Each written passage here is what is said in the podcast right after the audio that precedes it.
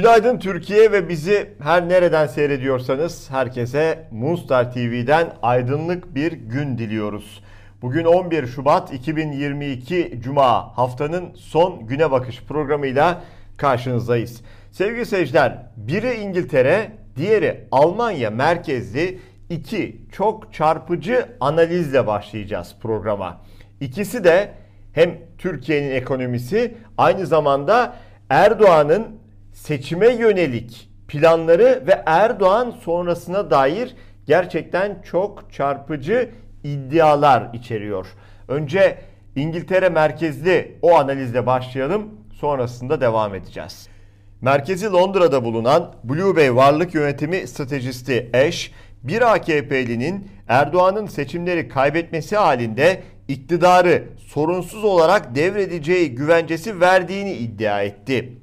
Bakan Nebati'nin Londra'da yaptığı toplantıya da katılan ve sonrasında yaptığı olumlu açıklamalarıyla dikkatleri üzerine toplayan Timothy Ash paylaştığı tweet mesajında bu hafta bir AKP'li yetkili bana Erdoğan ve AKP'nin yaklaşan seçimi kaybetmesi halinde iktidardan vazgeçeceklerine ve sorunsuz bir geçiş sağlayacağına dair güvence verdi dedi. Elbette üzerine çok konuşulacak. Hatta eleştirilecek. Hadi oradan canım sende kim bu AKP'li yetkili ve sen kimsin ki sana bir güvence veriyor denebilecek belki bir e, iddia. Ama Bakan Nurettin Nebati biliyorsunuz İngiltere'de Londra'daydı.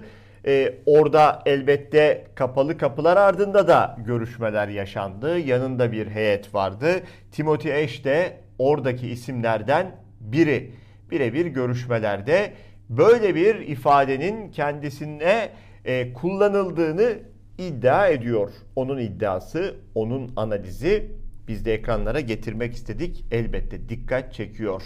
Erdoğan seçimi kaybederse sorunsuz bir şekilde iktidarı devredecek. Bu tartışma da bir süredir biliyorsunuz gidiyor. Erdoğan bir seçime gider gitmez, kaybederse gitmez, zorluk çıkarır gibi e, birçok farklı alternatif üzerinde tartışmalarda var.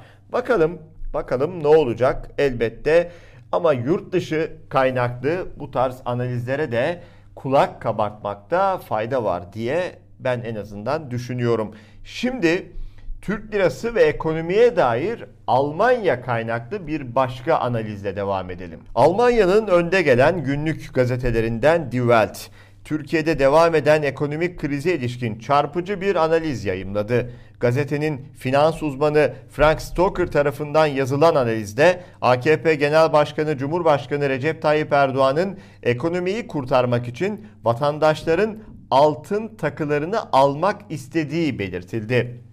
Devlete altın takılarınızı verin, Erdoğan lirayı böyle kurtarmak istiyor başlığı kullanıldı. Analizde özetle şu hususlara yer verildi. Lira geçtiğimiz yıl değerinin yaklaşık %40'ını kaybetti.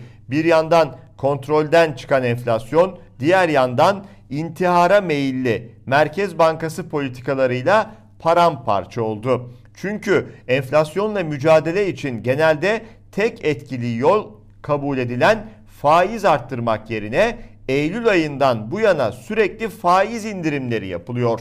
Bunu düşük faiz oranlarıyla enflasyonu düşürebileceğine inanan Erdoğan'ın emriyle yapıyor. Analize göre Türk lirasını çökerten bu hamleler Erdoğan'a bir seçim daha kazandırmayı hedefliyor. Evet, Türkiye ekonomisini çok yakından takip ettikleri de belli. Ee, Türkiye'de olup da şu tabloyu görmeyen nicesi var. Nice uzman diyelim biz tırnak içinde var. İktidar kanallarında gezip şunları anlatamayan birçok isim var maalesef veya bildikleri halde gerçekleri kendilerine saklayanlar da diyebiliriz sevgili seyirciler. Ee, Deva Partisi Genel Başkanı Ali Babacan eski ekonomi bakanı önemli açıklamalar yapmaya devam ediyor. Özellikle elbette ilgi alanı uzmanlık alanı olan ekonomiye dair ve son dönemin en tartışmalı konusu zamlı faturalarla ilgili bakın neler söyledi. Yani biz ekonomi yönetimi devraldığımızda petrol 20 dolardı, 150 dolara çıktı. 20 dolardan 150 dolara çıkan petrol fiyatlarının döneminde biz bu ülkede enflasyonu tek haneye düşürdük ya. Ama bu istişareyle oluyor, ortak akıllı oluyor. Bilimle ve akılla hareket ederek oluyor. Öyle bir kişinin aklına estiği gibi ülkeyi yönettiği zaman işte bunlar yaşanıyor. O günleri hatırlayın. Elektrik fiyatlarından, doğalgaz fiyatlarından, akaryakıt fiyatlarından böylesine yaygın bir şikayet var mıydı? Yedi buçuk katına çıkan petrol fiyatını biz yönettik. Gerçekten bunlar ne yaptıklarını bilmiyor. Ben hep söylüyorum Sayın Erdoğan'ın şöyle bir tane komşusu olsa memleketin gerçeklerini görecek ama yok. Saraya kendisini hapsetti. Bir tane komşusu yok. En son ne zaman bir elektrik faturası gördü ben bilmiyorum. En son ne zaman şöyle bir doğalgaz faturasını eline aldı ben bilmiyorum. Ha sarayın elektrik faturasını ona gösterdiklerini de sanmıyorum yani. Bu ayrı mesele. Memleketin gerçeklerinden kopmuş bir iktidarın ülkeye getirdiği noktanın en iyi örneklerinden bir tanesi şu anda yaşadığımız elektrik fiyatları, doğalgaz fiyatları, akaryakıt fiyatları. Erdoğan en son ne zaman bir fatura gördü, ne zaman cebinden bir fatura ödedi elbette bilmiyoruz. Bilinmez. Uzun zaman zaman geçtiği aşikar sevgili seyirciler. Fakat Erdoğan'ın faturası diyelim, Erdoğan'ın sarayının masraflarını kimin ödediğini elbette çok çok iyi biliyoruz. Halk ödüyor, vatandaş ödüyor. Kaldı ki halk şu sıralarda kendi faturalarını dahi ödeyemez hale geldi. Bakın bununla alakalı barolarda bir adım attı. 76 barodan ortak açıklama. Elektrik tarifesinde yapılan düzenleme anayasaya aykırı. Büyük bir tartışma var. Şu anda bu konunun etrafında dönüyor sevgili seyirciler. Ee, özellikle 31 Aralık gecesi, o gece yarısı vatandaş yeni yılı kutlarken iktidar bu zamlı tarifeleri bindirdi tam manasıyla. Muhalefet ne diyor? O zamları geri çekin diyor. Vatandaş tarafına baktığımızda ise artık öyle bir noktaya geldi ki faturalar katlanarak iki katı, üç katı gelen faturaları vatandaş ne yazık ki sevgili seyirciler ödeyemez hale geldi. Geçtiğimiz gün CHP lideri Kemal Kılıçdaroğlu evinden halka seslenmişti. Ben o zamlar geri çekilene kadar faturamı ödemeyeceğim demişti. Bir anlamda aslında bir sivil itaatsizlik, bir isyandı onunkisi. Tabi şahsi bir tepkiydi.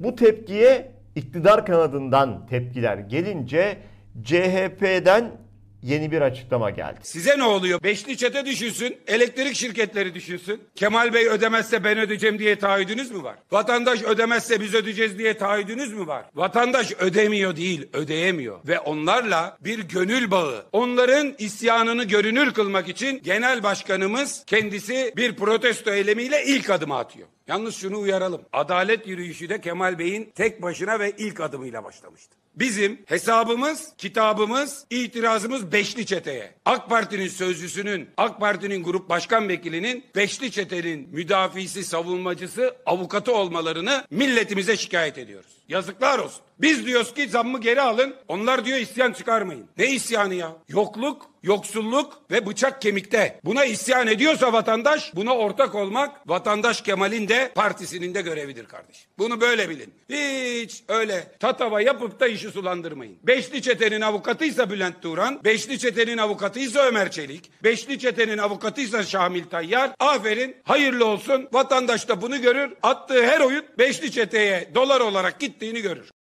Bu krizden çıkışın anahtarını mı diyelim sevgili seyirciler? Çok basit bir çözüm önerisini mi diyelim? Onu da CHP Genel Sekreteri Selin Sayek Böke bakın nasıl özetledi.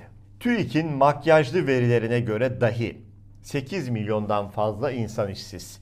Tek adam rejimi sebep işsizlik sonuçtur.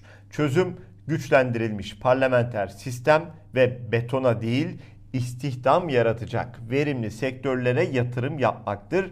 Biz yapacağız derhal seçim diyor Selin Sayek Böke. Özellikle o mesajdaki tek cümle çok çarpıcı. Tek adam rejimi sebep, işsizlik sonuçtur. Artık bunu görmek, anlamak gerekiyor. Erdoğan tek adam olduğundan beri ülkede iyi giden ne yazık ki tek şey yok. İyi giden tek bir şey yok demişken sevgili seyirciler, ekonomik krizle birlikte Türkiye daha önce görmediği uygulamalar da görmeye başlıyor. Taneyle satılan sebze, meyve. Eskiyi aklınıza getirsenize. Çarşıya, pazara gittiğinizde, gittiğimizde e, alırdık 1 kilo salatalık, 2 kilo salatalık, doldururduk poşetimizi. Domates, biber, patlıcan. Ne yazık ki bunlar artık gördüğünüz gibi taneyle satılır hale geldi. Domates, salatalık, biber hepsi tane usulüyle İstanbul'da veya Türkiye'nin farklı yerlerindeki pazarlarda halka bu şekilde satılıyor. Ve bakın bugün özellikle sosyal medyada çok paylaşılan bir fotoğraftı bu. Bir baklavacı tezgahı. Yeni ürün diye pazarlanan ürün boş baklava. İçinde fıstık yok, içinde ceviz yok. Çünkü cevizli, fıstıklı ürün alamaz hale geldi vatandaş ve vatandaşın neredeyse alamaz hale geldiği temel bir besin ekmek. İstanbul'da 210 gram ekmeğin fiyatı %31 zamla 3 liraya yükseldi. Neden halk ekmek büfelerinin önünde soğuk havaya rağmen, yağmura rağmen uzun kuyruklar oluyor anladınız mı? İşte bu yüzden. Ve dedik ya tek adam rejimiyle o sistemle birlikte her alanda gözle görülür bir çöküş var. Bakın Türkiye Demokrasi Endeksinde 2021 yılında 167 ülke arasında 103. oldu. Norveç ilk sırada elbette Demokrasi Endeksinde. Yeni Zelanda'yı görüyoruz, Finlandiya'yı görüyoruz. Şöyle listenin en altlarına baktığımızda Türkiye hangi ülkelerle bir anlamda aynı ligde. Ligde Gambiya, Türkiye, Pakistan, Afganistan. Ne acı değil mi? Türkiye'yi alıp 20 yıl önce iktidara gelip 2022'de bu noktaya getiren bir iktidar sevgili seyirciler. Bu haberle birlikte bugünün güne bakışını tamamlıyoruz ve haftayı da böylece kapatmış oluyoruz. Önümüzdeki hafta pazartesi günü Türkiye saatiyle sabah 9'da yine bu ekranlarda buluşmak üzere. Hoşçakalın.